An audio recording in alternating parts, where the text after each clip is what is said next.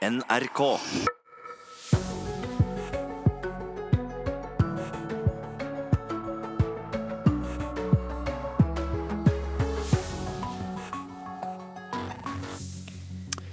Velkommen til Nyhetsmorgen, folkens. I dag skal vi bl.a. snakke om noe som irriterer mange nordmenn.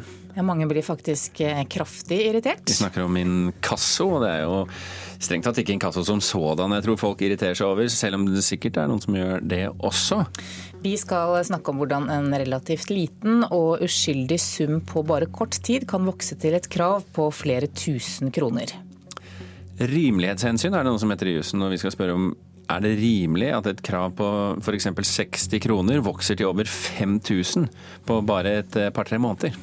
Og så er det fredag, så vi stiller tre spørsmål til Fredagspanelet i dag også. Om Forfatterforeningens unnskyldning, om det er så farlig at folk ikke klarer å si kino og kylling, og det at rederfruer snakker gatespråk i NRK-serien Lykkeland. Mye språk i Fredagspanelet i dag. Ja, Språk er jo aldri feil å diskutere. Nei, det er egentlig ikke det.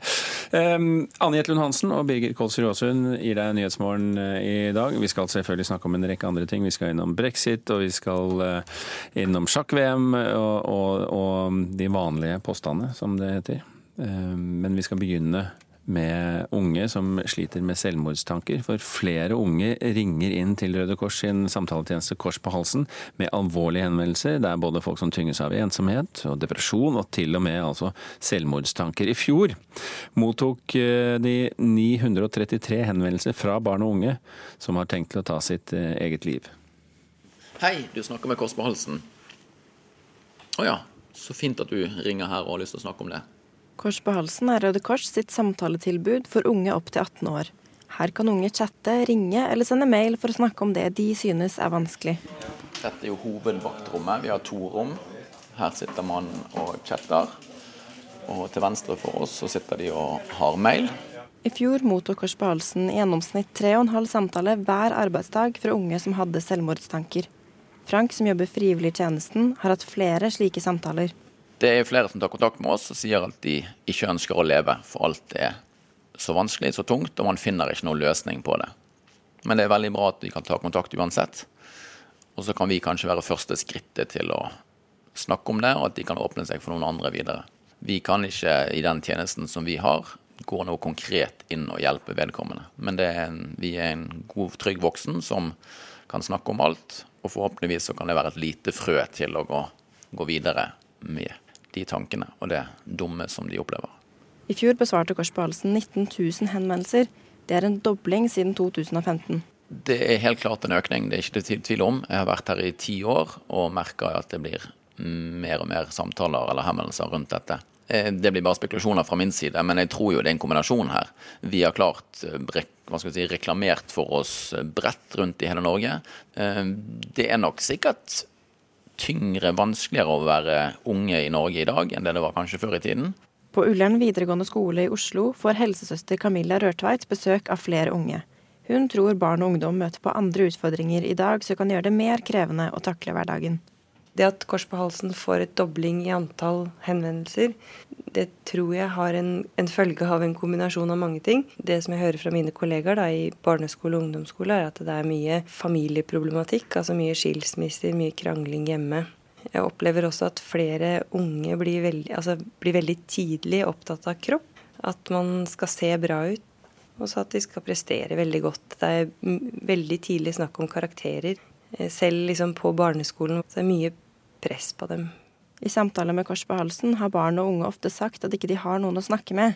Her mener Rørtveit at foreldrene må ta ansvar. Lytt til barna deres og spør dem, eh, og gjerne mer enn én gang. Man merker jo som regel om det er noe galt på et eller annet vis. Eh, så vær litt på. Ikke forsøk å være en kul kamerat, men forsøk å heller liksom være til hjelp. Og det er man ved å spørre og grave litt. Selv om man blir opplevd som slitsom og masete, så er det en mye bedre idé enn å trekke seg unna. Reportasjen her er laget av Bibi Fatima Musavi og Anna Lea Poppe. Katrine Simonsen, redaksjonssjef for NRK Supers temadager om psykisk helse. Velkommen til Nyhetsmorgen. Tusen takk. Dere lanserte denne uken altså tre filmer om følelser rettet mot barn opp til tolv år. Hvorfor gjorde dere det? Eh, de tre filmene de er en del av et større, en, et større, opplegg som vi hadde denne uka her, hvor vi hadde masse innhold eh, knytta til psykisk helse for barn. Og de tre filmene de var en del av et undervisningsopplegg som vi har lagd sammen med Røde Kors. Eh, og det er et undervisningsopplegg som retter seg mot 5. til 7. klasse.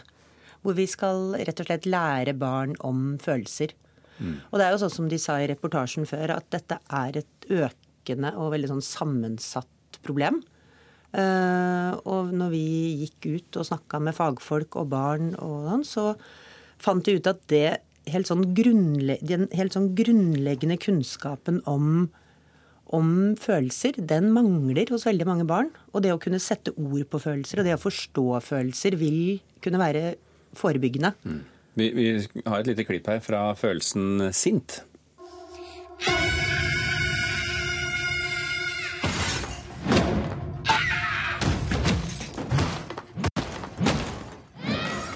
Dette er en følelse alle barn har hatt, i hvert fall. Om ikke annet. Eh, eh, hvordan har dere jobbet frem disse følelsene? Nei, unnskyld, disse filmene. Eh, manusene er skrevet av Erlend Lo, men de er jobbet ut sammen med Røde Kors. Og i samarbeid med mange forskjellige fagmiljøer, rett og slett. For å kunne være presise, men samtidig så er det viktig at de er at de er underholdende nok til at barn faktisk velger å se dem. Uh, Kommer dere i, i, problemer eh, med formidlingen når dere skal både være underholdende og presise?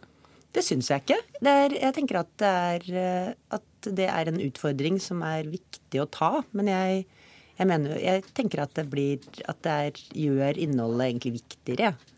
Eh, når vi klarer å få til den kombinasjonen. Og jeg, det, jeg mener jo at vi har lyktes med det i de tre filmene. Mm. Dette skal jo være filmer for skolene, verktøy for skolene. Hvilke tilbakemeldinger har dere fått? Vi har fått, eh, Det er jo akkurat lansert, men noen skoler har begynt å ta det i bruk allerede. Og vi har fått veldig gode tilbakemeldinger.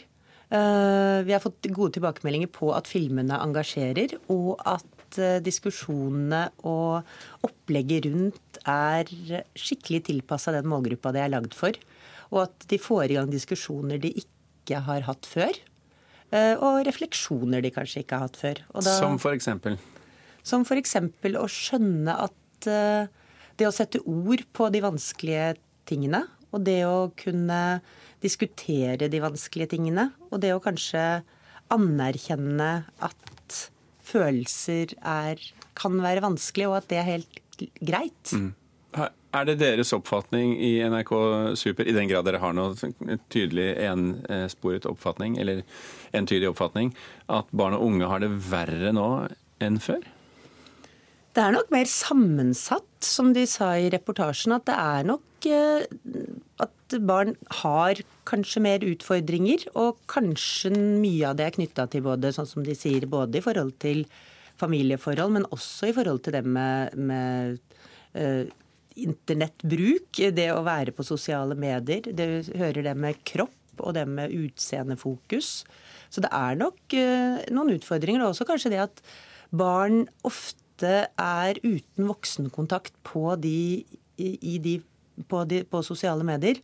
Eh, så det blir en verden voksne ikke kjenner til, og hvor voksne ikke kan være til stede som man kanskje kan være i det virkelige liv. Da. Mm. Eh, så det, ja, jeg tror nok at de har større utfordringer nå på mange måter. Det er altså eh, et, tre filmer som NRK Super har laget til skolene om følelser.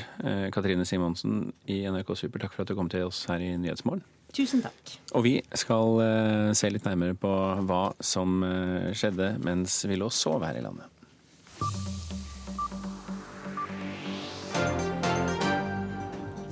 I løpet av natten har antallet døde etter brannene i California kommet opp i 63 personer, men i tillegg er 631 mennesker nå meldt savnet. 631 det er jo ganske mange flere enn tallet vi brukte for bare to dager siden. Myndighetene sa da at 130 hadde status som savnet. Men tallet økte etter at etterforskere sjekket nødsamtaler som ble gjort da brannene brøt ut for en uke siden. Politiet regner med at ikke alle på listen vet at de er savnet, men at de kommer til å melde seg nå som de ser den. Et eh, bilde av den britiske kunstneren David Hockney har satt ny prisrekord for kunstverk utført av en maler som fortsatt lever. Altså salget er eh, da av en maler som fortsatt lever. Maleriet 'Portrait of an Artist' Pool with two figures gikk eh, torsdag, altså i går, under hammeren på auksjonshuset Christies i New York for 90,3 millioner dollar.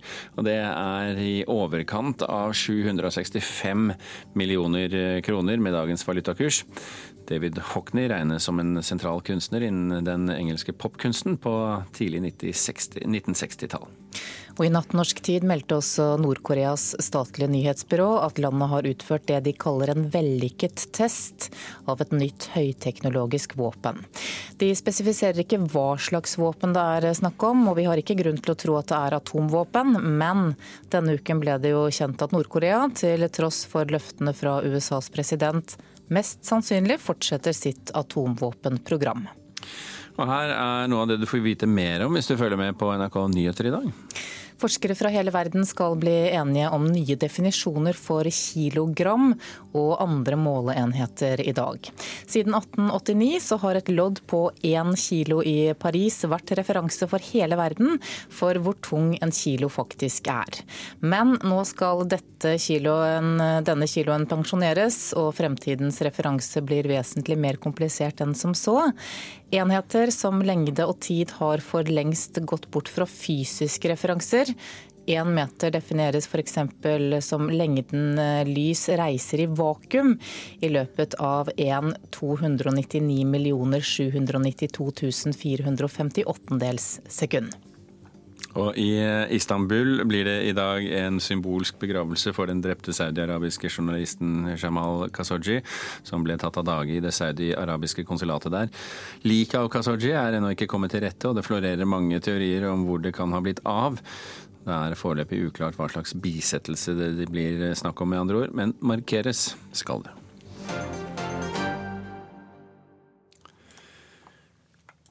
Så til eh, sjakk-VM. Fem remis er eh, resultatet etter de fem første partiene i eh, VM mellom Magnus Carlsen og Fabiano Caruana. Nå venter to partier med hvit på rad for Carlsen, og ekspertene tror disse kan avgjøre hvem som blir verdensmester. Jeg tror han kommer til å ta litt risiko. Han vil ikke gå, vil ikke ta, gå helt berserk. Men jeg tror han kan komme til å gjøre et seriøst vinterforsøk i de to partiene. Sjakkjournalist Tarjei Svendsen er ikke den eneste som mener de to neste partiene er tidspunktet hvor Magnus Carlsen kan avgjøre VM-kampen. Han får bl.a. støtte av den kvinnelige stormesteren Anna Rudolf. Dette er hans mulighet, hans sjanse til å slå til. For motstanderen er dette tidspunktet han er mest sårbar på. Tirsdag morgen ble det sluppet et klipp som avslørte mange av Caruanas forberedelser med svarte brikker.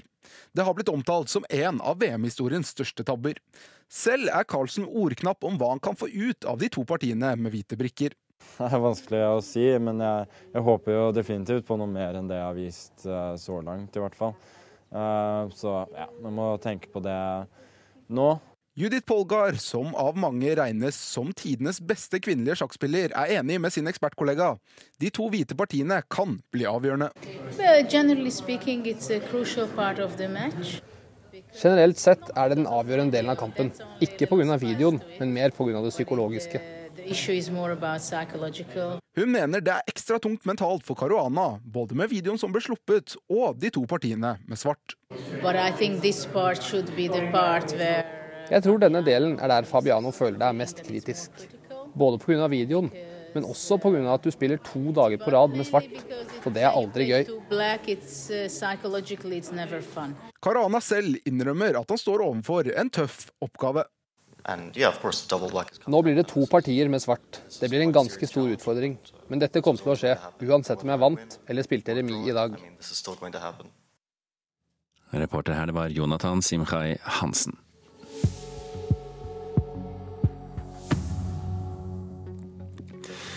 Klokken nærmer seg ti på sju her i Nyhetsmorgen. Du får følgende saker hvis du følger med på nyhetene i dag. Bompengekrav vokste fra 60 kroner til over 5000 på få måneder. Vi skal snakke med Forbrukerrådet om ikke så lenge. Flere unge sliter med selvmordstanker. Mellom tre og fire ringer hjelpetelefonen hver dag. Og I Storbritannia har mannen som skulle overta som brexit-minister, nektet å ta på seg denne jobben. I går sa to statsråder, to statssekretærer og to politiske rådgivere opp i protest. I dag er det åtte dager siden fregatten Helge Ingstad havarerte ved Stureterminalen i Øygarden i Hordaland. Fremdeles lekker det drivstoff. Oter og måker er allerede påvirket av dieselsølet. Så hva med laksen i nærliggende oppdrettsanlegg? Hvordan går det med den? Det ønsker Havforskningsinstituttet nå å finne ut av. Drivstoffuregning fra fregatten Helge Ingstad har spredd seg over store områder. Over 100 matfisk fra seks ulike oppdrettsanlegg nord og øst for havaristaden i Hjeltefjorden blir nå testa for oljekomponenter. Og Så tar vi da ut delprøver for det, som da går til analyse. Det sier forskningsleder i Havforskningsinstituttet, Jarle Klungsøyr. I tillegg til Mattilsynet og Folkehelseinstituttet advarer de mot å ete sjømat fra området rundt den havarerte fregatten. For å være sikker på at oppdrettslaksen ikke blir påvirka, blir det tatt grundige prøver. Instrumentene er veldig følsomme, så vi kan måle ned i 10 minus 9 gram per gram fisk. Så altså det skal veldig lite til før vi finner disse stoffene. Sjøforsvaret har opplyst at det var 380 000 liter marin diesel om bord da Helge Ingstad kolliderte med oljetankeren Sola for åtte dager siden. Men trass i at Kystverket og brannvesenet har lagt ut lenser i flere områder, lekker det fremdeles olje i fjorden. Kystverket har ennå ikke avgjort om skipet må tømmes for olje før det skal heves. Frykta er at bergingsoperasjonen vil sende deler av nesten 400 000 liter marin diesel rett ut i fjorden. Først om to uker får forskerne svar på om fisken har blitt påvirka. Altså, vi regner ikke med å, å, finne noe i denne fisken, for, for utslippet har vært såpass lavt. Hvis vi nå ikke finner noe, uh, så, så, tar vi det til etterretning. Og hvis utslippene fortsetter, så er det sannsynligvis behov for å gå ut på et senere tidspunkt også. Reporter i denne saken, det var Even Norheim Johansen. Det er ikke alle som er like begeistret over denne beklagelsen fra Forfatterforeningen denne uken, Anna? Nei, i går så beklaget jo Forfatterforeningen at 17 medlemmer ble feilaktig anklaget for å ha jobbet til fordel for den tyske okkupasjonsmakten under krigsoppgjøret. Men forsker og professor emeritus i idéhistorie ved Universitetet i Oslo, Jan Erik Ebbestad Hansen, mener at en av disse 17 forfatterne rett og slett ikke fortjener en unnskyldning. På vegne av Forfatterforeningen vil jeg si unnskyld for den måten Forfatterforeningen gjennom æresretten behandlet disse forfatterne etter krigen. Forsamlingen på Grand Hotell i Oslo klapper etter den følelsesladde unnskyldningen fra Heidi Marie Krisnik, leder for Den norske forfatterforeninga. Theodor Dahl. I går leste hun opp navnene på 17 norske forfattere som ble dømt i æresretten en domstol som Forfatterforeninga oppretta etter krigen for å straffe kunstnere som hadde samarbeida med nazistene. Men ett av navnene Alf Larsen. fortjener ingen unnskyldning. Det mener professor emeritus i idéhistorie ved Universitetet i Oslo, Jan Erik Ebbestad Hansen. Han har gravd i arkivene til Alf Larsen. Og der er det en rekke uttalelser som forsvarer nazistenes og eh, Hitlers forfølgelse av eh, av jødene, og eh, også gasskamrene, som han viser en forståelse for, som nærmer seg aksept. Ebbestad Hansen har skrevet bok om Alf Larsen som heter 'En antisemitt trer frem'. Dette her var ikke noe han øh, skrev i en presset situasjon. Dette var noe han fremførte også privat. Det er jo også et materiale jeg har fått frem. Derfor reagerte Ebbestad Hansen da Forfatterforeningen i går sa unnskyld til bl.a. Alf Larsen. Jeg syns vel det er underlig. Så hva må jeg si? Jeg sperrer øynene opp. Jeg er historiker og kan legge frem dette materialet. Og jeg må vel spørre meg selv om hva er det man beklager nå, det, når man skal beklage. Forfatterforeninga har lest boka til Ebbestad Hansen. Vi kjenner til den boka. Men sjefen for foreninga står for unnskyldninga som hun mener handler om noe annet enn det Ebbestad påpeker. Men det det her handler om, er jo nettopp at en kunstnerorganisasjon oppretter sin egen domstol og dømmer på litt sånn følelsesladd grunnlag. Oi, der, det, hørte rykter om han, jeg hørte sånn. Så sånn sett så tenker jeg at det er det prinsipielle i dette som vi beklager. At det skjedde avgjørelser gjort på uriktige uriktig grunnlag. Jeg mener at det er riktig å beklage overfor Larsen, selv om dere vet disse har disse opplysningene? Ja, det gjelder det prinsipielle. At det var ikke grunnlag for å dømme på det grunnlaget en hadde rett etter krigen i det klimaet. Og reporter her, det var Daniel eh, Eriksen. På auksjonshuset Kristi ble det satt en rekord i går kveld. Og reporter Leila Feratovic, hva slags rekord er det vi snakker om? Vi snakker om en salgsrekord på svimlende 90 millioner dollar. Dette her er eh, det dyreste bildet noensinne solgt av en eh, kunstner som fortsatt lever, nemlig David Hockney. Den britiske pop art-inspirerte kunstneren. Fortell litt mer om han? Han er 81 år gammel, så han har levd en stund. Eh, han er kjent for eh, veldig eh, fargerike motiver. Veldig 80-tallsinspirert, hvis man ser på bildene hans. Han bor i Hollywood. Mye av motivene hans er også inspirert av dette her, da. Så han er veldig Han startet som en ganske under kommunisert og underpriset kunstner, men nå er det 90 millioner dollar som han har solgt ett bilde for. Dette er et bilde av en mann som ser inn i et svømmebasseng av en svømmer.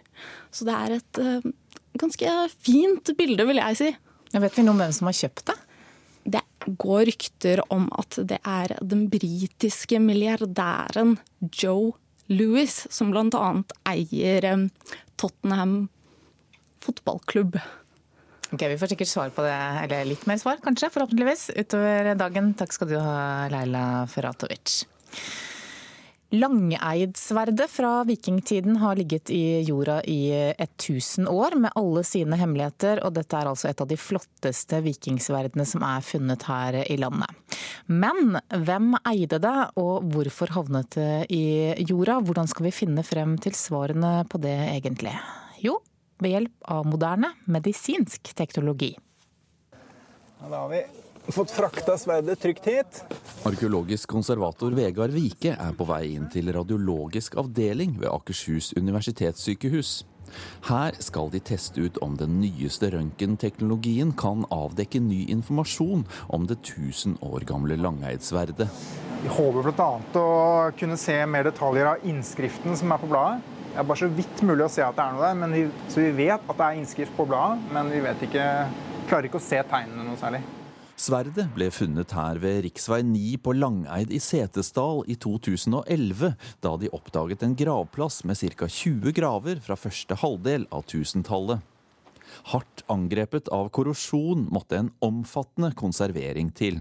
Men etter at Vegard Vike hadde brukt over 400 timer på å fjerne korrosjonen, åpenbarte det seg et vikingsverd vi så langt i Norge ikke har sett maken til. Belagt med sølv og ornamentikk i gull. Forteller Sanette Glørstad fra Kulturhistorisk museum. De har spiraler, bokstaver og aller mest eh, uvanlig og, og helt unikt et, et, en hånd som holder et uh, kors. Nå skal sverdet undersøkes på en måte som ikke har vært gjort før i Norge. Ved Akershus universitetssykehus har de en av landets mest avanserte setemaskiner, og forhåpentligvis vil den teknologien gi mer kunnskap om det unike sverdet. Det vi aller mest håper på, er jo at vi kan prøve å få klarhet i hva det er det står på sverdbladet. For vi er veldig sikre på at det er noen tegn der som vi ikke har klart å tyde. Professor i radiologi John Terje Geitung forsikrer oss om at dette ikke går utover sykehusets vanlige pasienter. Vi har litt ledig kapasitet når arbeidstiden er slutt. Det er derfor vi gjør dette på kvelden. Det var han som hadde ideen til å bruke setemaskinen på denne måten. Dette er jo uh, leting etter noe. Det er jo slik uh, riktig vitenskap skal være. og Forhåpentligvis så kan vi nå publisere artikler om hva vi har sett som ingen andre har greid å se om disse gjenstandene. Hver skanning av sverdet genererer over 1 terabyte med data. Og all den informasjonen tar det tid å bearbeide. Men etter flere måneder er resultatet nå klart. Det vi endelig ser her, det er restene av det man kaller et mønstersmittet svær. Det forteller professor Jan Bill ved arkeologisk seksjon på Kulturhistorisk museum. Altså en, et, en sværklinge som har blitt smidet av flere stenger av metall, som har blitt øh, nesten flettet sammen i smideprosessen. Fordi at man derigjennom oppnådde å få en sterkere, øh, mer smidig klinge. Skanningene viser også at det er lite igjen av det opprinnelige sverdbladet. Der har rustangrep gjort at mesteparten av jernet er borte. Dermed er det heller ikke mulig å finne inskripsjonene de håpet skulle være der. Og Det vi ser utover her, det er da stort sett rustbobler. Vi hadde også sjansen til å gjøre en analyse i å se hvilke type stoffer som ligger der, og det er mest organisk materiale blanda opp med disse rustboblene. Så vet i alle fall at de skal behandle sverdet med forsiktighet. Ja, reportere her, det var eh, Johan Det var ikke Johan, det var um, Rolf Petter Olaisen. Og vi hørte altså professor i radiologi Jon Terje Geitung. Han er allerede i gang med sitt neste prosjekt, som er å skanne Gokstadmannen. Klokka nærmer seg sju. I Nyhetsmorgen etter det skal vi snakke om to ting som kan fyre opp folk skikkelig, Birger. Både bompenger og inkasso. Ja, inkasso, ikke minst. Og hvorfor blir de så utrolig dyre så utrolig fort, disse kravene? Ja, Få se om vi får noe svar på det. Ja, Vi får garantert svar. Eh, og så får vi se om vi får noen løsning. Det er et helt annet spørsmål.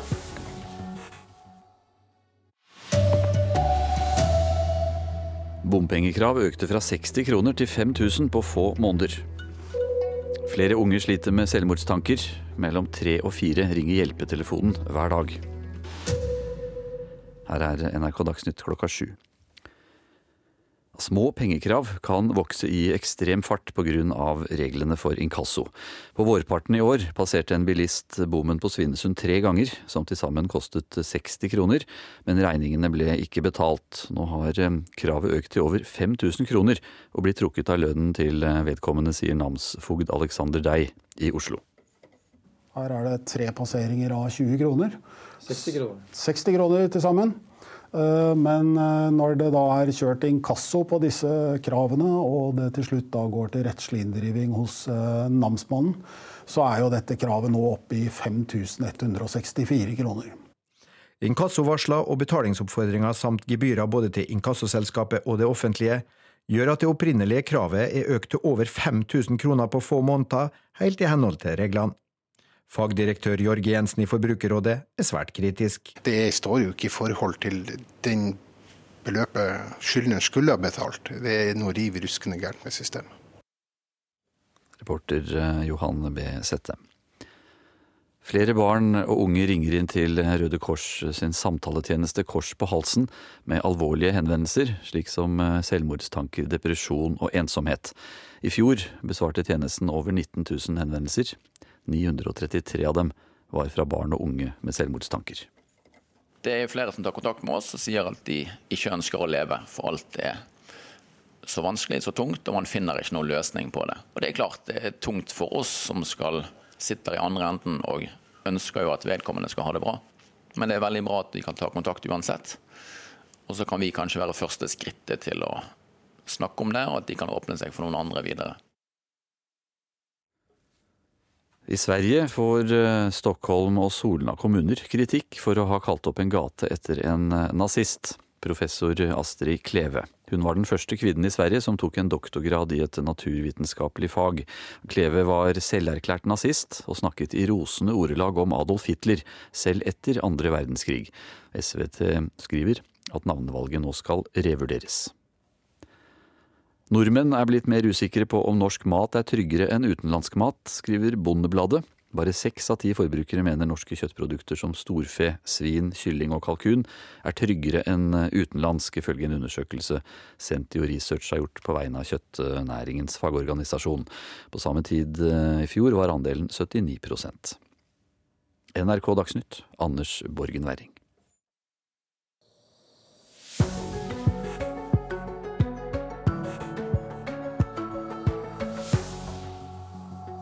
Vi skal snakke mer om eh, bompengekrav den eh, neste halvtimen her, og ganske umiddelbart eh, egentlig. Men så skal vi også til Storbritannia, for der har nemlig mannen som skulle overta som brexit-minister, nektet å ta på seg jobben. Han nærmest har sparket seg selv før han fikk jobben. Og så skal vi snakke mer om alkoholfritt øl, som blir stadig mer populært. Hvorfor det, er det sikkert mange som spør da. Men eh, det gjør det bare, så sånn er det. Du skal få høre mer om hvorfor, om ikke annet. Er du en av dem som får panikk når du får et brev i posten fra et inkassobyrå? Da er du sannelig ikke alene, og de fleste forter seg å betale med en gang. Men hva hvis du ikke gjør det? Er det da rimelig det som skjer de neste ukene og månedene? På vårparten i år så var det en bilist vi har snakket med som kjørte tre ganger eh, gjennom bommen på Svinesund og det kostet til sammen 60 kroner. Men regningene ble ikke betalt. Og nå har kravet økt til 5164 kroner, og vil bli trukket av lønnen til vedkommende, sier namsfogd Alexander Dei i Oslo. Jeg vil jo kanskje anta at det er en harrytur til eh, Strømstad, da, passert Svinesund. Ja. Uh, ikke har eh, brikke i bilen, og da fått tilsendt regning på disse passeringene. Her er det tre passeringer av 20 kroner. 60 kroner. 60 kroner til sammen. Eh, men eh, når det da er kjørt inkasso på disse kravene, og det til slutt da går til rettslig inndriving hos eh, namsmannen, så er jo dette kravet nå oppe i 5164 kroner. I slutten av mars kjørte en bilist over Svinesundbrua uten bombrikke i bilen. Et par måneder senere gjentas det samme, denne gang tur-retur på samme dag. Regninga for bompasseringa blir ikke betalt. Det som da skjer, er at kravet på tre ganger 20 kroner vokser veldig raskt. Forklaringa er at inkassokostnadene løper trinnvis. Inkassovarsler og betalingsoppfordringer samt gebyrer både til inkassoselskapet og det offentlige gjør at det opprinnelige kravet er økt til over 5000 kroner på få måneder, helt i henhold til reglene. Fagdirektør Jorge Jensen i Forbrukerrådet er svært kritisk. Det står jo ikke i forhold til den beløpet skyldneren skulle ha betalt. Det er noe riv ruskende gærent med systemet. Inkassoloven fra 1988 er gått ut på dato for lenge siden, mener Jensen, som etterlyser en større grad av forholdsmessighet mellom krav og gebyrer i inkassobransjen. Så Hvis vi får en balanse i dette forholdet, så, så vil jo en del av disse uforholdsmessige sakene altså Kom igjen, det er en bompassering. At det, det, skal bli til, til flere tusen kroner, det, det er ikke rimelig. I Justisdepartementet er det nylig nedsatt ei arbeidsgruppe som skal bruke over ett år på å vurdere hva som er feil med dagens regler, og hvordan en ny inkassolov kan bli bedre enn den vi har. Statssekretær Tor Kleppen Settem forsvarer tidsbruken. Det skal i hvert fall gjøres uh, grundig og skikkelig når det først gjøres endringer. Uh, da må det være gjennomtenkt på alle bauger og kanter, og uh, det er viktig at det arbeidet gjøres på en grundig måte i første omgang, så vi slipper å drive og flikke på feil i ettertid. Burde ikke det vært nye regler på plass for lenge siden? Det kan godt hende, men det er i hvert fall nå satt i gang et arbeid i regi av Justisdepartementet. Og eh, i løpet av et par års tid så kommer vi til å ha på plass forhåpentligvis et eh, nytt system som også ser på, på gebyrsida. Så er det jo egentlig Samferdselsdepartementet som eier Statens vegvesen og Svinesundforbindelsen, men de har valgt å ikke kommentere denne saken i dag. Reportere her var Johan B. Settem, Tore Tollersrud og Trond Lydersen. Thomas Iversen, leder for forbrukerdialog hos Forbrukerrådet, velkommen til Nyhetsmorgen. Takk skal du ha. Hvordan er det mulig at et krav på 60 kroner kan runde 5000 før det drives inn? Nei, Det høres jo veldig mye ut. Men eh, både kostnadene rundt eh, inkasso og gebyrer til, til det offentlige vil fort gjøre at selv veldig små krav kan bli veldig store. Men eh, ta oss igjennom prosessen her. Hva er det som skjer med den, de 60 kronene? Først begynner det med noen purringer eventuelt inkasso, et inkassovarsel, de er ganske rimelige, for å si det sånn. Men uh, vil nok ha, en, ha, et gebyr mer enn fakturaen i første omgang, når det er snakk om 60 kroner. Deretter løper det større kostnader på. på betalingsoppfordringen, som fort koster en 350 kroner. Og hvis kravet ikke blir betalt da, så går den videre til, til rettslig inkasso, og da løper det på noen ganske store gebyrer. Hvem er det som får de? Da er det særlig til staten. Ja, Det er staten som tar de gebyrene. Så det er noe staten velger å ta, ikke sant? Ja, dette er jo da rettsgebyret bl.a. som må betales i uh, forliksrådet. Og hvis saken ikke betales, eller kravet ikke betales etter et besøk i forliksrådet, og går til namsfogden eller namsmannen for innkreving, så kommer det et Eh, et, gebyr for utlegg der også. Mm, men hvis man glemmer en, en regning, hvor fort kan den øke til eh, med, med, med hundregangeren? Du må glemme mer enn én regning, for du skal få et par purringer før dette skjer.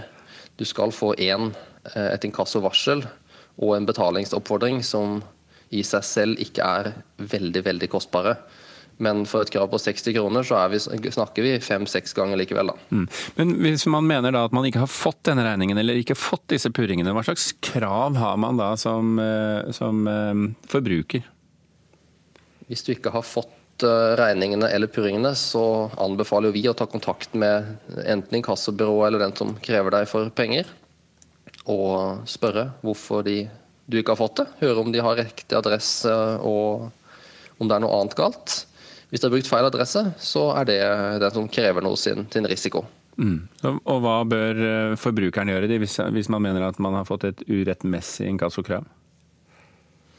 Da bør man i første omgang eh, ikke betale og gjøre omtrent det samme som foregående råd. Ta kontakt med den som krever deg for penger og spørre hvorfor får jeg dette kravet? Hvorfor får jeg denne regningen? I jussen så har man noe som eh, heter rimelighetshensyn. At det skal være samsvar mellom eh, forbrytelse og straff, så å si. da. Eh, Syns du reglene i dag er rimelige?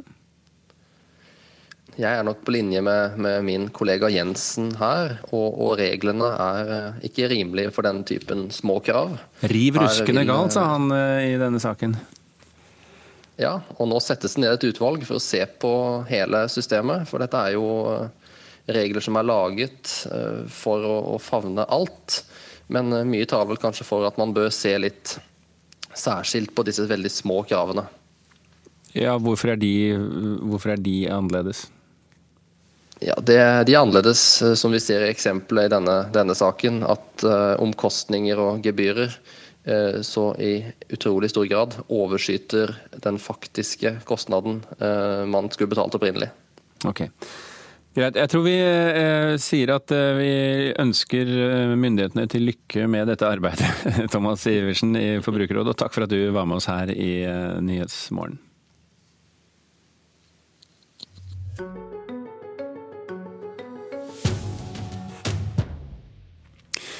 Situasjonen for verdenshavene er dramatisk, og Norge har tatt en eh, lederrolle i arbeidet med å løse problemene, som det heter. Dramatisk overfiske, sterk forurensning, det er to av problemene, sier Vidar Helgesen, som er Norges representant i det såkalte høynivåpanelet for eh, bærekraftig havøkonomi. Han deltar denne uken på en havkonferanse i Rio, og der var også vår reporter Arnt Stefansen. Vi er på Museo do Amanhã, museet for morgendagen her i Rio de Janeiro. Et naturlig sted å huse en konferanse om en av klodens store utfordringer. Bærekraftige hav, en bølge av innovasjon er tittelen på konferansen, der eksperter fra Norge og Brasil drøfter de store problemene i verdens havområder. Blant innlederne er spesialutsending Vidar Helgesen, Norges representant i høynivåpanelet for bærekraftig havøkonomi. We can't feed growing population only by land-based. For å skaffe nok mat til en raskt økende verdensbefolkning må vi hente en stadig større del av ressursene fra havet. Derfor må vi ta bedre vare på havet, er budskapet. Og for å redde verdenshavene har Norge tatt et globalt initiativ som foreløpig omfatter tolv kyststater, blant dem Australia, Japan, Mexico og Indonesia. Situasjonen er svært alvorlig, sier spesialutsending Vidar Helgesen. Dramatiske nivåer av overfiske. Det er uh, sterk forurensning. Um, og det er tap av biodiversitet. Og det er uh, ikke minst uh, svake styringsstrukturer for å styre havpolitikken skikkelig. Forsøpling med plast og mikroplast er en av de store truslene mot livet i havet. Og fortsetter utviklingen som nå, vil det allerede i 2030 være ett kilo plast for hver tredje kilo fisk i havet, sier Vidar Helgesen. Og det er klart at det er de store fremvoksende økonomiene med høy vekst og sterk økning i plastforbruket, Kina, India, Indonesia, slike land, det er der hovedutfordringen kanskje ligger. Eh, men der også skjer det veldig mye. Spørsmålet er om det skjer raskt nok. Teknologi er et viktig stikkord i kampen for verdenshavene. Og det pågår nå en intens forskning for å finne smarte løsninger. Helgesen gir et kuriøst eksempel. Med en smartphone så kan du eh, se om den fisken som du har fanget, eh, kan tas eller bør slippes ut igjen. Eh, ut fra hva slags eh, art det er. Og Det er sånn som kan hjelpe faktisk lokale fiskere verden over til å eh, bidra til bærekraftig forvaltning. Arnt Stefansen i Rio. I dag er det også Politisk kvarter, som det er hver dag. Og Lilla Sørhusvik, de minste får mest plass hos deg i dag. Ja, i dag skal vi høre om dynastiskatten som Rødt ønsker å innføre. Og du kan kanskje tenke deg hva den handler om?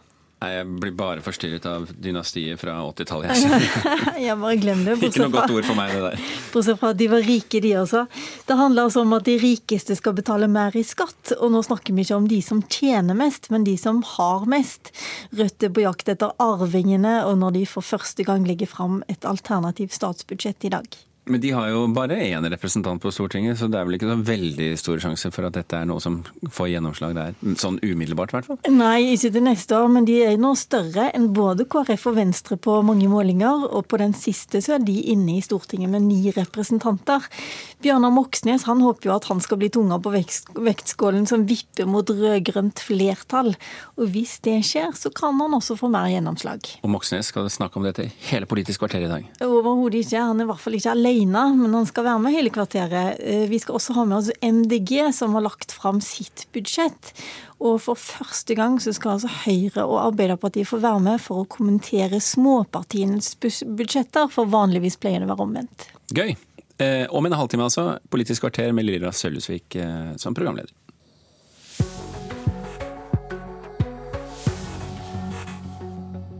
Klokken har nå passert kvart over sju. Hør på Nyhetsmorgen, altså. Toppsaken vår i dag er at bompengekrav vokste fra 60 kroner til over 5000 på få måneder. Nå skal myndighetene se på reglene. Flere unge sliter med selvmordstanker. Mellom tre og fire ringer hjelpetelefonen til Røde Kors hver eneste dag. Og Fregatten Helge Ingstad ligger fremdeles under vann og lekker dieselolje. I dag starter arbeidet med å sjekke oppdrettslaks for eh, oljeforgiftning.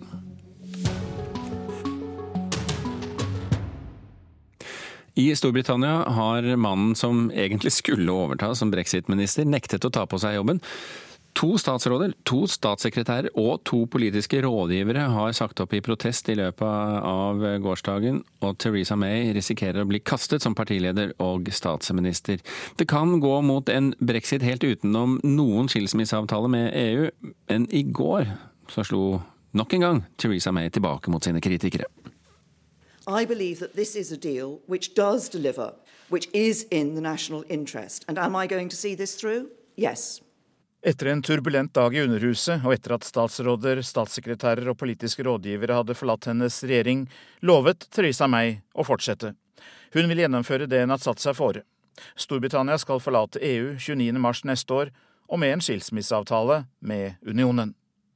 May utelukket helt og holdent en ny folkeavstemning om EU-medlemskapet. As far as I'm concerned, there will not be a second referendum. We asked people their view. They said we should leave the European Union, and we will leave the European Union, and we will leave on the 29th of March 2019. Theresa May sa at det vil føre til dyp og alvorlig usikkerhet å avvise hennes avtale med EU. Hun kjemper for sin autoritet og for sin jobb, selv om hun møtte en vegg av motstand mot skilsmisseavtalen med EU, både i eget parti og i opposisjonen, da hun la den fram i Underhuset i går. And I commend this statement to the House.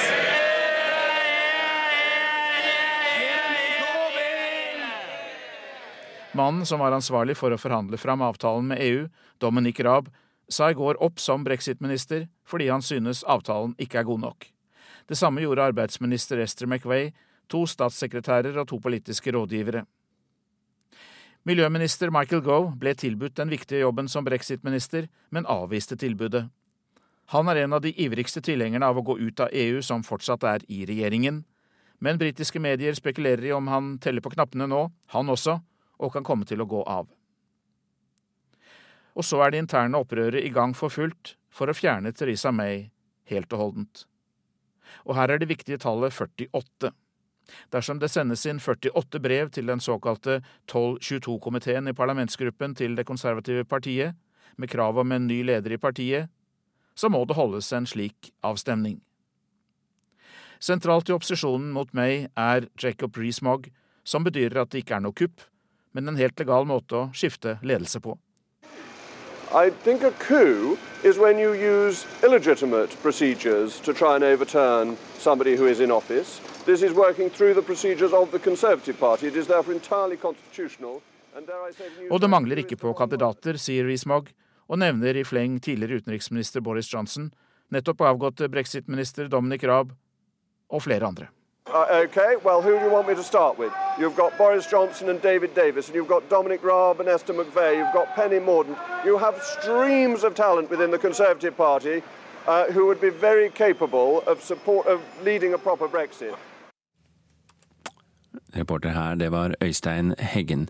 Og vi eh, skulle nå snakka med, eh, med, Kjetil Widsvang i eh, Dagens Næringsliv om brexit. Og vi gir ikke opp, men vi sliter veldig med å få opp en dugende linje på han.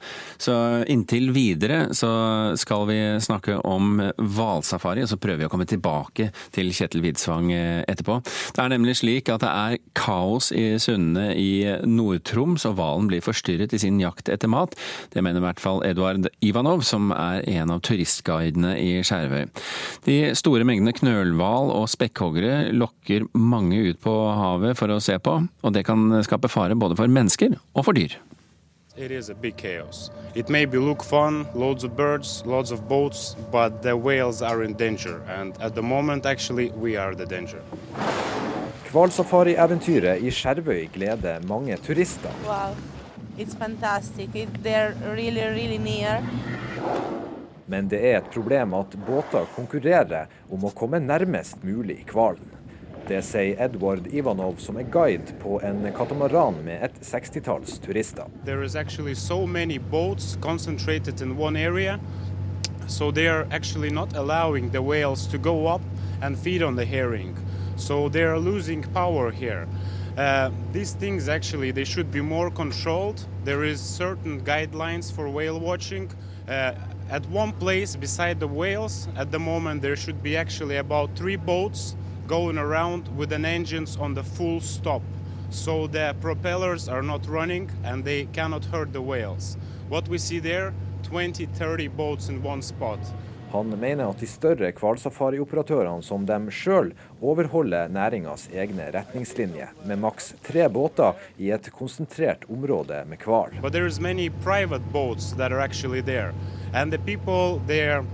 don't know what they're doing.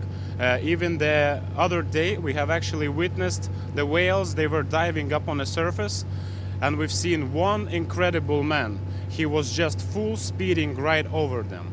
So There should be some control actually put into that. Også professor og hvalforsker Audun Rikardsen ved UiT ser at det er mye båter i området. Utfordringa nå er at, eh, at, det er veldig mye hval rett rundt Skjervøya. Eh, dermed blir det også veldig mye båter der. Eh, så, så du ser jo av og til at hvalen vender unna. Det gjør han. Og at han blir kanskje litt skremt, men han spiser nå, ser nå ut til å spise likevel. og det er jo sild ellers i fjorden også, så føler han seg veldig forstyrra. Så stikker han opp bort fra området og spiser andre plasser. Men jeg syns jo totalt sett så går det ganske greit, da. Eh, tatt i betraktning de mengdene med båter som er. så så De aller fleste oppfører seg veldig fint. Eh, og Turistbåtene òg, de, de, holder seg litt sånn avstand, og det ser bra ut. Rikardsen sier det er viktig at folk nå forholder seg rolig. Nei, Det verste fallet er jo at, eh, at båtene kjører på, spesielt de snorklerne som ligger i vannet. Det er veldig mye snorklere, og det er nok litt, litt vel mange snorklere, spesielt eh, rett utfor havna i, i Skjervøy, hvor det går fiskebåter og sånt god fart forbi. og, og, og eh, de er, Ofte de her snorklerne er veldig mørke og ikke noe lys på seg. eller noe sånt. Så, så det er jo kanskje den største faremomentet.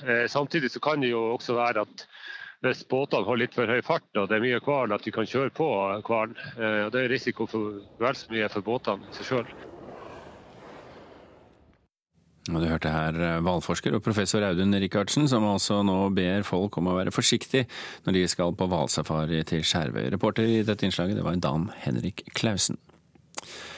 Alkoholfritt øl blir stadig mer populært. Hittil i år er det solgt 15% mer alkoholfritt øl enn samme periode i fjor. Årsaken er eh, ungdom. Jeg har jo tre hyllemeter her med alkoholfritt øl, så det er ganske bra utvalg på det. Jo Broch viser frem det store utvalget han har av alkoholfritt øl i butikken sin. Han driver Haugesund ølutsalg og ser at alkoholfritt øl blir stadig mer populært. Mange andre ting eh, står på stedet bil, mens alkoholfritt har hatt en veldig pen økning de siste året. Hittil i år er det solgt 15% mer alkoholfritt øl enn i samme periode i fjor. Det viser tall fra Bryggeri- og drikkevareforeningen. I sommer tok salget fullstendig av, sier leder Petter Nome, som tror alkoholfritt øl blir mer og mer vanlig blant unge. Jeg tror nok at potensialet er ganske stort, og vi ser jo det i andre land, spesielt Spania, hvor alkoholfritt øl har blitt en sånn trenddrikk blant ungdom. Psykologspesialist Lill Kjersti Skryten mener det er lettere for unge å ta med alkoholfritt øl enn brus på fest. For det er jo klart at Ungdom vil jo markere at eh, nå er de blitt voksne. og så jeg synes det er et glimrende opplegg med alkoholfrie varer, og de kan bare utvikle mer av det, tenker jeg. Eh, da blir det ikke så synlig heller hva, hva er det man egentlig drikker. Reporter her, det var Rosa Irén Villa Lobos. Klokken begynner å nærme seg halv åtte. Sikkert mange som har nettopp skrudd på radioen. Så la oss ta en liten oversikt over det som skjedde i Norge, eh, men, nei, det som skjedde i verden mens Norge lå og sov.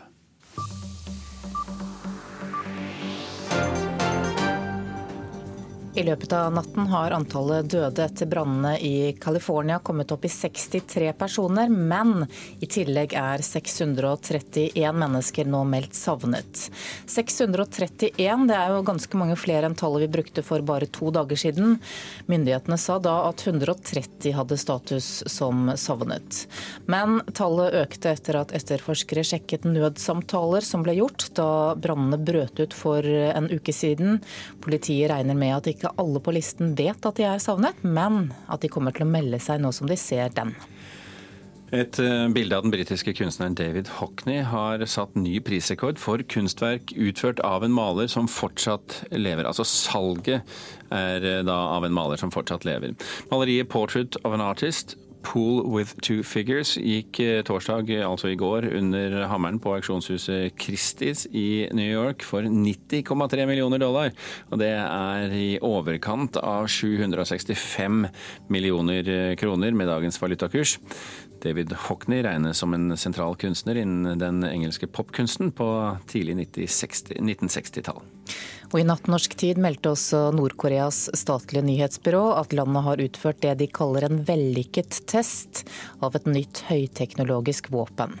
De spesifiserer ikke hva slags våpen det er snakk om, og vi har ikke grunn til å tro at det er atomvåpen, men denne uken ble det jo kjent at Nord-Korea, til tross for løftene fra USAs president, mest sannsynlig fortsetter sitt atomvåpenprogram. Og her er noe av det du får vite mer om hvis du følger med på NRK Nyheter i dag. Forskere fra hele verden skal bli enige om nye definisjoner for kilogram og andre måleenheter i dag. Siden 1889 så har et lodd på én kilo i Paris vært referanse for hele verden for hvor tung en kilo faktisk er.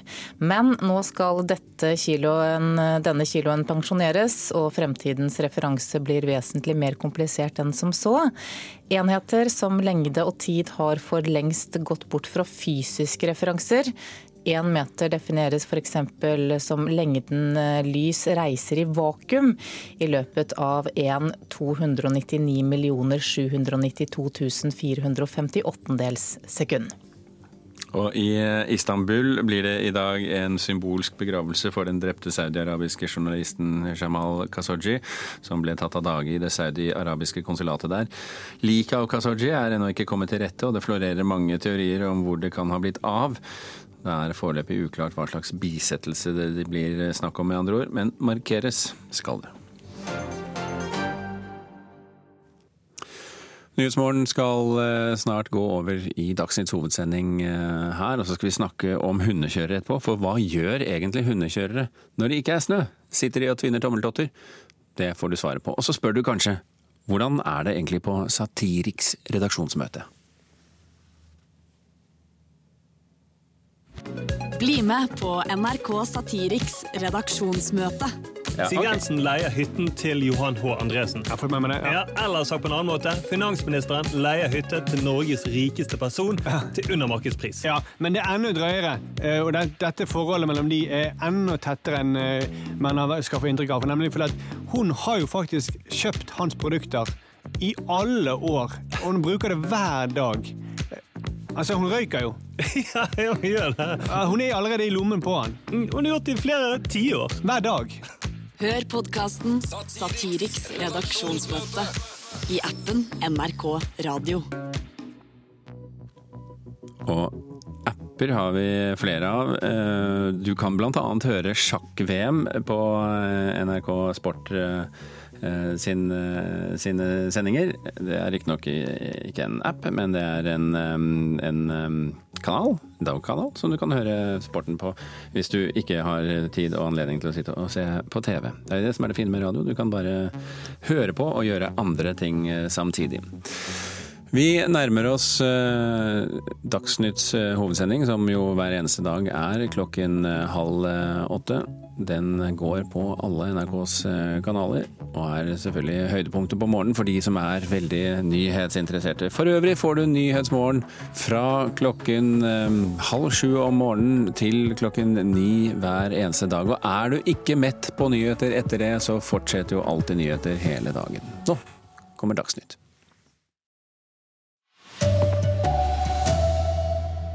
Bompengekrav økte fra 60 kroner til 5000 på få måneder. Inkassoloven er utdatert, mener Forbrukerrådet.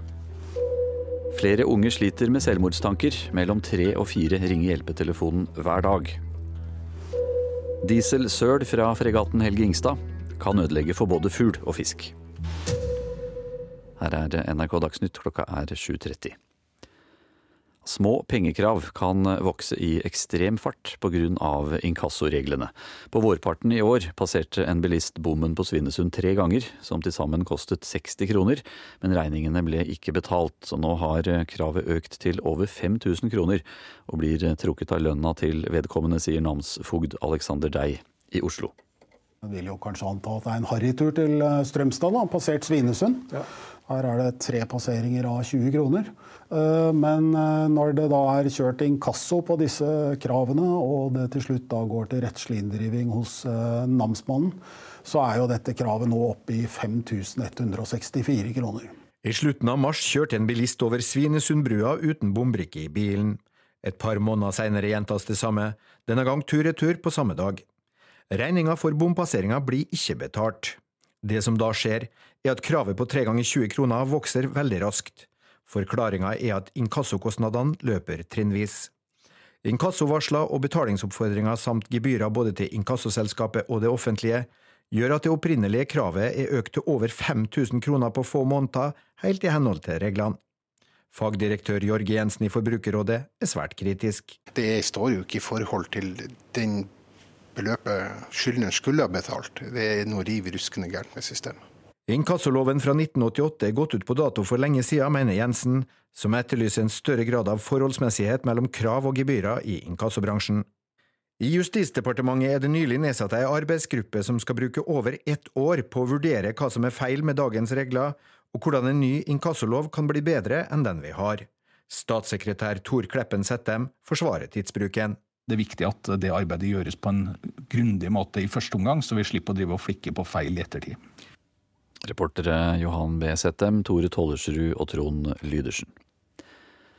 Wikileaks-grunnlegger Julian Assange er siktet av amerikanske myndigheter, det melder Washington Post nå. Det er foreløpig ikke kjent hva Assange er anklaget for.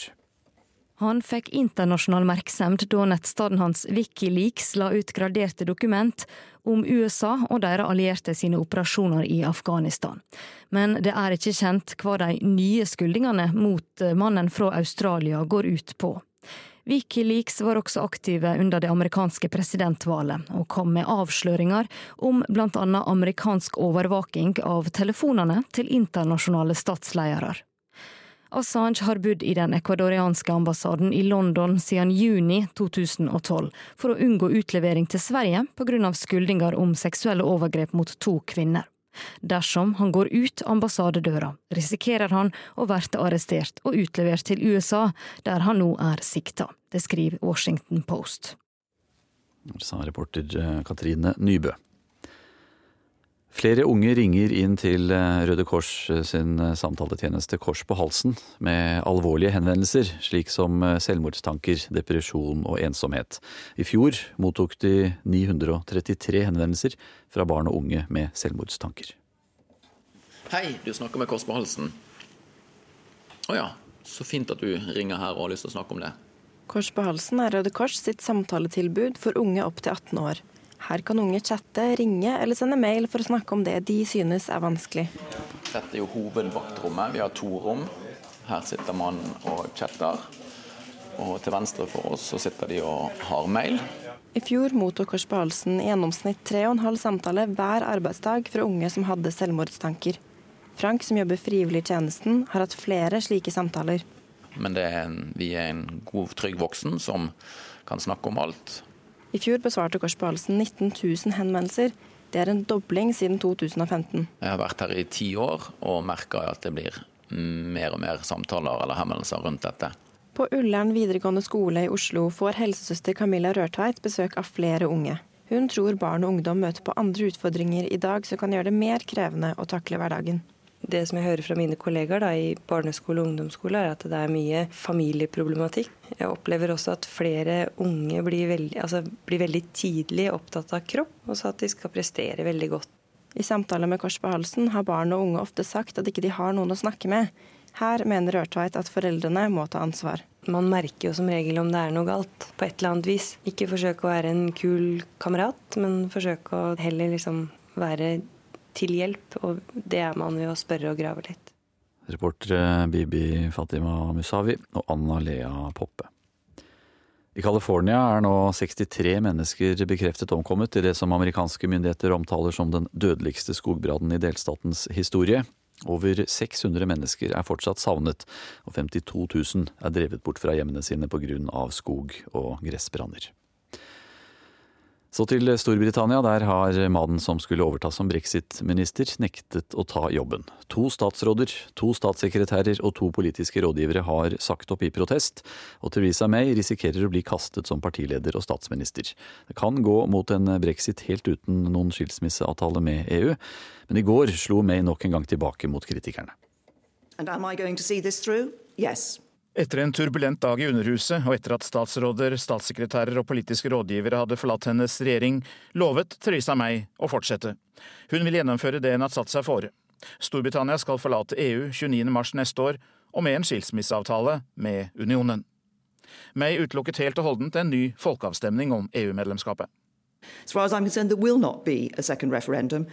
Hun kjemper for sin autoritet og for sin jobb selv om hun møtte en vegg av motstand mot skilsmisseavtalen med EU, både i eget parti og i opposisjonen, da hun la den fram i Underhuset i går. Mannen som var ansvarlig for å forhandle fram avtalen med EU, Dominic Raab, sa i går opp som brexit-minister fordi han synes avtalen ikke er god nok. Miljøminister Michael Gove ble tilbudt den viktige jobben som brexit-minister, men avviste tilbudet. Og så er det interne opprøret i gang for fullt for å fjerne Theresa May helt og holdent. Dersom det sendes inn 48 brev til den såkalte 1222-komiteen i parlamentsgruppen til Det konservative partiet, så må det holdes en slik avstemning. Sentralt i opposisjonen mot May er Jacob Rees-Mogg, og det mangler ikke på kandidater, sier Rees-Mogg, og nevner i fleng tidligere utenriksminister Boris Johnson, nettopp avgåtte brexit-minister Dominic Raab, og flere andre.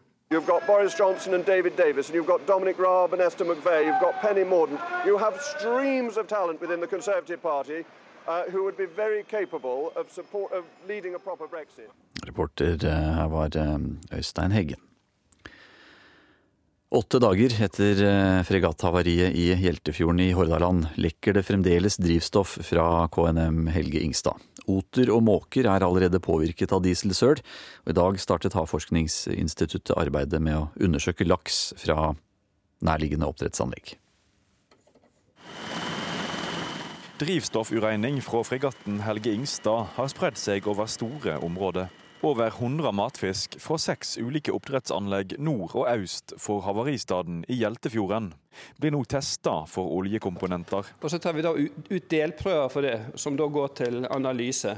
Det sier forskningsleder i Havforskningsinstituttet, Jarle Klungsøyr. I tillegg til Mattilsynet og Folkehelseinstituttet advarer de mot å ete sjømat fra området rundt den havarerte fregatten.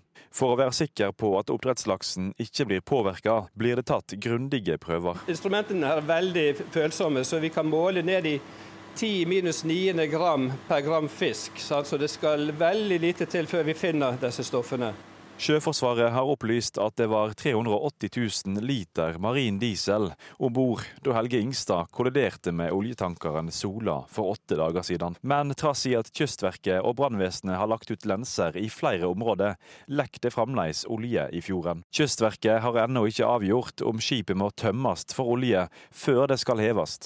Frykta er at bergingsoperasjonen vil sende deler av nesten 400 000 liter marin diesel rett ut i fjorden.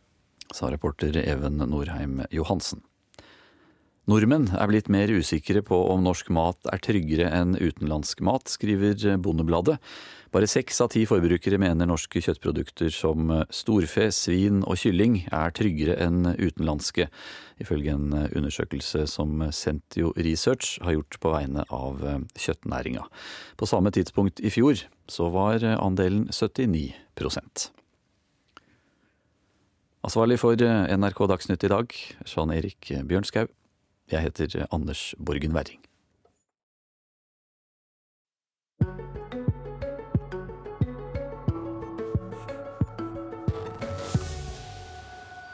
Det kom litt snø, og det kunne se lovende ut for alle de som skulle ut og trene hundespannene sine i Finnmark. Men så smeltet all snøen bort igjen. Så hva nå?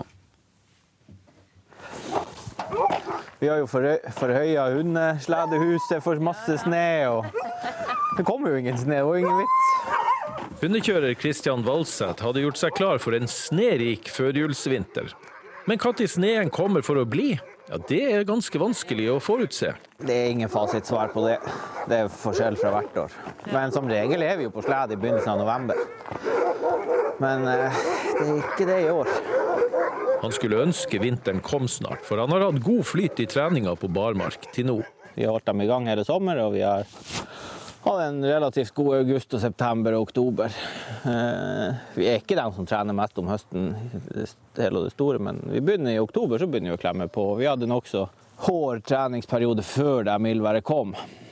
Men nå er det jo selvfølgelig håpløst med Vi kjører litt rundt på jordene her. og og holder dem i gang. Og så kjører vi noen turer inn mot indre strøk fra Solvorm til Myran og trene der. Men nå er vel forholdene blitt bra igjen. Men forrige uke var de dårlige. Fjorårets vinner av 570 km i Finnmarksløpet, Harald Tunheim, har også møtt elendige treningsforhold de siste ukene. Nei, vi hadde jo eh, frost og vi hadde snø, og så ble det mildvær. Og eh, da er det sånn at, at alle de plassene hvor vi har kjørt, der har vi jo trampa snø ned. Og når det da blir, Selv om det, har vært mildvær nå over flere uker, så denne isen som da kommer frem, den forblir is. Den, vi får ikke smelta bort. Og da blir det jo speilholka når det har vært sånn som nå med 3-4-5-6 grader. vet du. Det, er jo, det blir ren speilholke. Og det gjør det vrient, og da er det farlig. Det er, det er farlig å kjøre fordi at man sklir. Hvis man må stoppe, så, så vet vi at kan, vi kan kjøre både inn i trær og, og litt av hvert. Og så og så er det det at eh, de bikkjene sklir, og da kan de eh, skjære opp fotene sine, rett og slett. At de rett og slett kan, kan eh, rive av fliker på potene som gjør at de, de må stå i ja, til de er gode igjen. Kanskje skulle man tro at manglende treningsforhold ville virke litt stressende på hundekjørerne? Nei da, jeg er ikke det. Jeg har eh, trent hund i 30 år og har opplevd dette før. Vi har jeg husker etter, så var, det, var, det, var vi ikke på slede herifra før i slutten av januar. og Et annet år så var vi ikke på slede her hjemmefra før i slutten av februar. Man måtte reise til fjells for å få, få kjørt. Så det gikk godt i år. da. Vi, vi, det er det der at du ikke slutter å trene, men at du får holdt rytmen i gang. Lengden får vi når vi kommer på snø. Ja. Nei, jeg blir ikke stressa.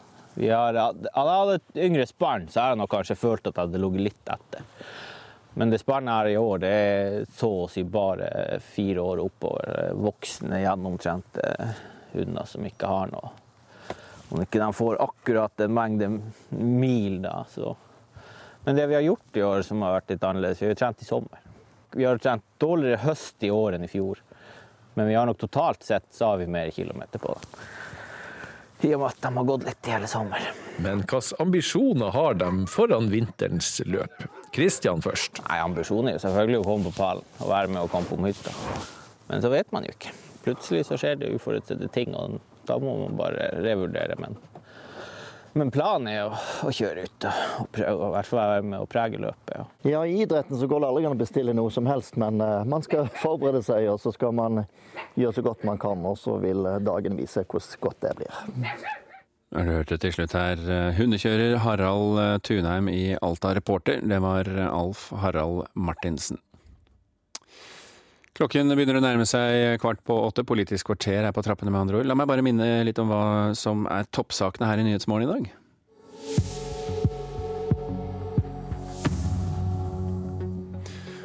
Bompengekravet økte fra 60 kroner til over 5000 på få måneder. Inkassoloven er utdatert, mener Forbrukerrådet.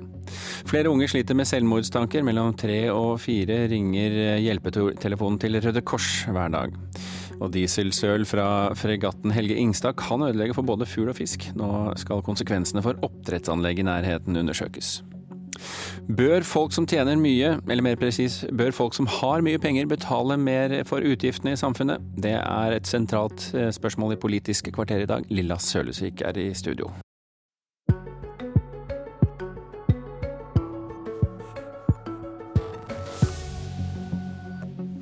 Rødt vil slette alle blå skatteletter og innføre dynaski, dynastiskatt for de rike. De grønne vil innføre milliarder i avgifter på fly, bil, kjøtt og godteri. Om de små partiene skulle bli store, skal vi alle betale mer, men de rikeste må ta mest. Vi har vært innom problemstillingen flere ganger før her i Politisk kvarter. De rike blir rikere, forskjellene øker. Den ene prosenten som eier mest, eier faktisk en fjerdedel av formuen her i landet. Og i dag tar partiet Rødt til orde for en dynastiskatt. Og jeg har en anelse, men jeg tror du skal forklare oss likevel hvem som skal betale den skatten, Rødt-leder Bjørnar Moxnes. Nei, Det er jo de som har eh, mest. De som har over to millioner kroner eh, i inntekt, skal få betale litt mer tilbake til eh, samfunnet. De som har over ti millioner kroner i formue, skal betale mer med et nytt trinn i formuesskatten. Dette gjør vi jo samtidig som vi sikrer at de som tjener under 600 000 kroner i året, som er tre av fire nordmenn, ikke får en krone mer i skatt med Rødts opplegg. Vi gjør det fordi at alle snakker om de økende forskjellene, men veldig få gjør noe med det.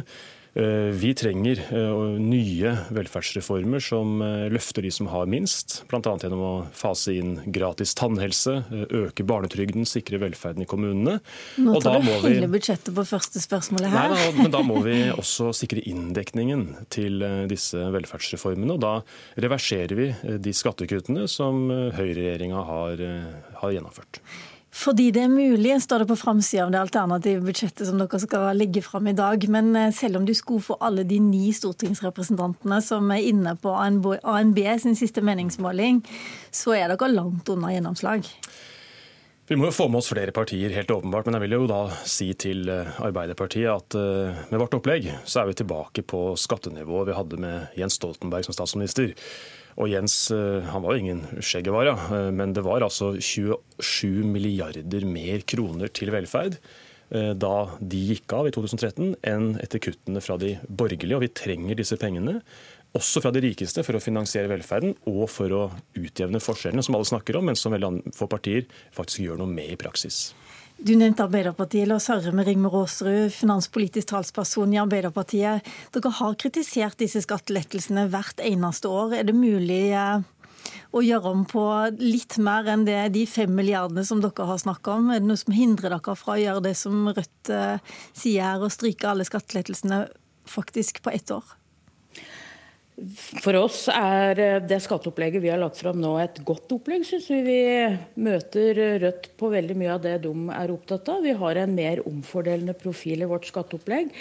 Og så tror jeg vi må ta det skritt for skritt. Eh, det å legge økt eh, beskatning på de store formuene er vi enige. Og vi er også enige om at vi må skjerme de med de laveste inntektene. I vårt opplegg så får de som har under 750 000 ingen økt inntektsskatt. Og, jeg mener at det gir en god profil uh, innafor de, det som er fornuftig å ha skatteøkninger på ett år.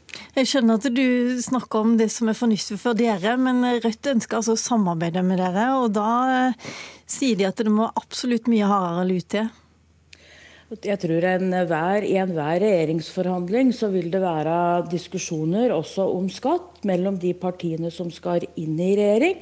Det ser vi jo nå med Kristelig Folkeparti og regjeringa som sitter og diskuterer. Og det vi hører om er jo skatt. Så det vil være helt naturlig. Så, så har jo vi sagt at det i alle fall nå ikke er aktuelt å, å gå inn i et, en regjeringssamarbeid med Rødt.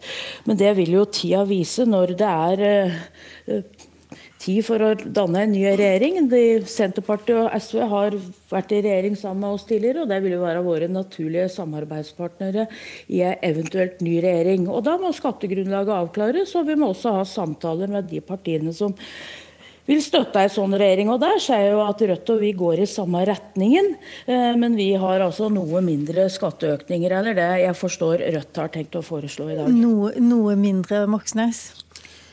Ja, det er jo mange år siden eh, Arbeiderpartiet gikk inn for en stor eh, og ny velferdsreform. og Det er jo ikke rart, for de har jo fryst skattenivået eh, på det som har vært til enhver tid den sittende regjeringas skattenivå gjennom mange år. Hvis vi da henter inn mer fra de rikeste, så kan vi både finansiere ny velferd, som gratis tannhelse, gjøre barnehagen gratis, årskull for årskull sikre velferden i kommunene. Men vi kan også eh, motvirke dynastitendensene vi ser i den norske eliten, ved at eh, åtte av ti eh, på formuestoppen er arvinger, ved at de 400 rikeste i dag eier like mye som det norske statsbudsjettet i sum. Dette syns jeg ikke Arbeiderpartiet på langt nær gjør noe som helst som, som monner med, mens med vårt opplegg så er vi i hvert fall i gang med å utjevne forskjellene noe mer, og sikre nødvendig finansiering til felles velferd som kan løfte de som har eh, minst fra før. Mudassar Kapur, du er stortingsrepresentant i finanskomiteen for Høyre. Kan du minne oss om eh, hvorfor i all verden skal ikke de rikeste som faktisk ikke har jobba, noen av de har ikke jobba for, eh, for de store inntektene eller de store formuene sine, hvorfor skal ikke de skattlegges hardere? Nå er det jo sånn at eh, De som eh, er med på å skape velferden, skape arbeidsplasser, de skatter. Og så har vi fjernet arveavgiften, for det ville være en dobbel beskatning. Men jeg må jo si at det er ganske utrolig nå å sitte og høre på den flørten mellom Arbeiderpartiet og Rødt, og en diskusjon om ulikheter hvor ingen av de nevner den viktigste årsaken. Eh, og hva vi kan gjøre for å utjevne sosiale forskjeller, nemlig arbeidsplasser. Vi har hatt det å skape arbeid, få til bedre integrering og mindre frafall fra skolen som våre viktigste verktøy for å få mindre forskjeller. Men Det er vel ingen av disse her som er uenig med deg når det gjelder behovet for arbeidsplasser. Det de er uenig med deg i, det er vel behovet for å skattlegge de som har mest?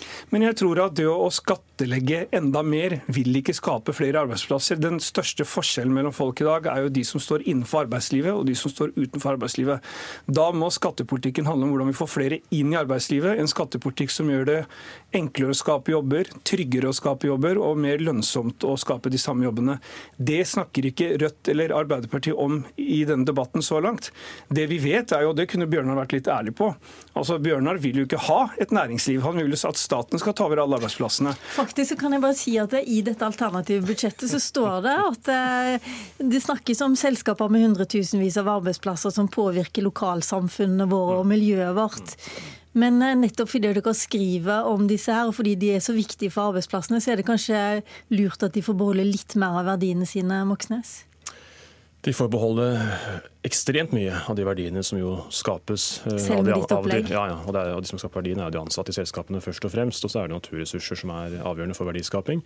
Eh, Høyres historiske misjon eh, det er jo å kutte skatten for de rikeste. og Det gjør de med stor nidkjærhet og flid, men det skaper jo ikke noen nye jobber. Vi har jo etterlyst dokumentasjon på at skattekuttpolitikken skaper nye jobber. Det kan verken Erna Solberg eller Siv Jensen legge fram bevis på. Men det vi vet er jo at hadde vi brukt noen av de pengene som de har delt ut i skattekutt til de som har mest, på ø økte offentlige investeringer, få flere ansatte, eh, vikarer i barnehagene, flere i eldreomsorgen, bygd ut infrastrukturen, veldig garantert skapt nye jobber.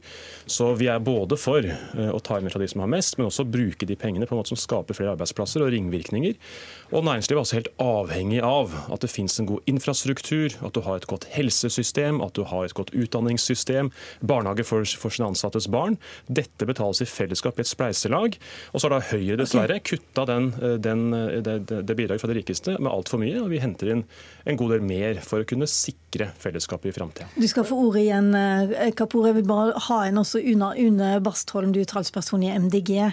Og dere legger også opp til et alternativt budsjett som krever veldig mye høyere, høyere skatt, men i tillegg 45 milliarder som dere skal ta inn i avgifter.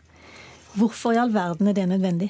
Først må jeg si at Vi øker jo ikke skatten for alle, vi gjør jo det motsatte. egentlig. Vi sørger for at alle under 600 000 får mindre skatt med vårt opplegg. Og alle over 600 eh, 000 skal betale mer? Ja, eh, men også progressivt. Eh, så vi gjør jo både opplegget for inntektsskatten og opplegget for formuesskatten mer rettferdig.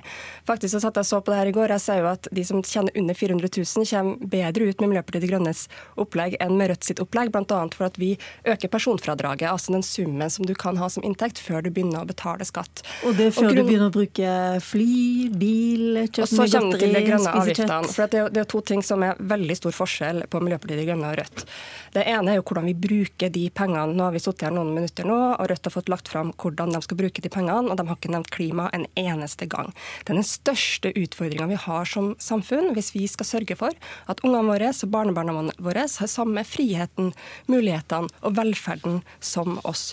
Og da må vi jo se på hvordan eh, vi fordeler skatter og avgifter og det er et veldig godt grønt prinsipp å skattlegge forbruk mer enn det å være i jobb.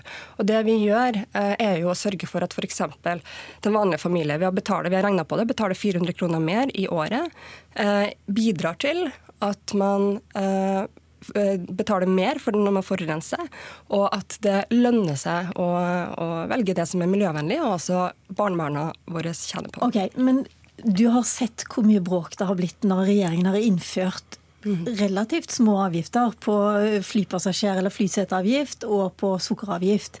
Dere skal gange det med 10-15-20 ganger. Tør du det? Det som er viktig for den enkelte familie eller den enkelte person i Norge, er jo hvordan det her fordeler seg på deres, i deres hverdag. ikke sant? Så Den store summen er jo ikke det viktigste.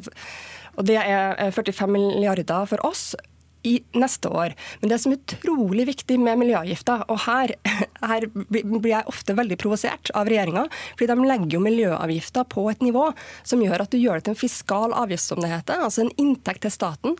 Og med flypassasjeravgifter nå, så sier de direkte i statsbudsjettet at vi vet ikke om det her har en klimaeffekt engang. De har, det, de har den avgiften for å kunne ha en inntekt. Og det du da gjør, Okay, men la samtidig. bare få lov til å svare under, du, underminerer, bare si, du underminerer da tilliten til miljøavgifter i befolkninga, samtidig som du lar være å få til de klimakuttene som trengs. Er disse her eh, miljøavgiftene deres egentlig mest for å sminke eh, dette forsøket på å ta inn mer penger til statsbudsjettet? Nei, absolutt ikke. Vår, eh, vår miljøavgiftspolitikk har handlet om at det skal lønne seg å tenke grønt. Se bare på bilavgiftene. Men Hva Men, sier du til Bastholm som sier at dere undergraver miljøavgiftene ved å gjøre det på den måten? Nei, det, det, gjør vi ikke, men det er en velkjent angrepstaktikk fra MDG når de egentlig ikke vil snakke om sin skattepolitikk, for det er det vi er her for å diskutere.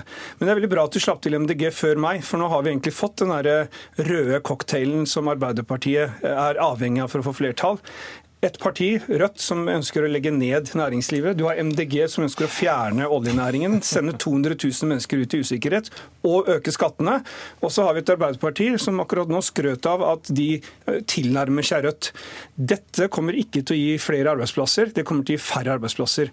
Okay, da, derfor mener jeg, Nå må jeg også få, få litt flere sekunder nei, enn de jeg tror jeg, vi må ha Det er derfor viktig å fortsette med inkluderingsdugnaden, integreringsarbeidet og fortsette å skape flere arbeidsplasser. Og, og da syns jeg, synes jeg det er veldig rart at uh, Mudassar Kapur er, eh, snakker om arbeid, når uh, den regjeringa han sitter i nå har kuttet virkemidler for å få flere ut i arbeid. Og det er jo Derfor så har jo vi en økt satsing på det med å få folk i arbeid. 2,4 milliarder kroner ligger det i vårt budsjett for å få flere i arbeid. Det inkluderer bl.a. 2300 flere okay, arbeidsmarkedstiltak. Men hva tenker du om at du, skal, du kanskje blir avhengig av disse to partiene som presenterer budsjettet sitt her? Jeg tror at eh, i enhver regjeringsforhandling så vil partier måtte ta og gi.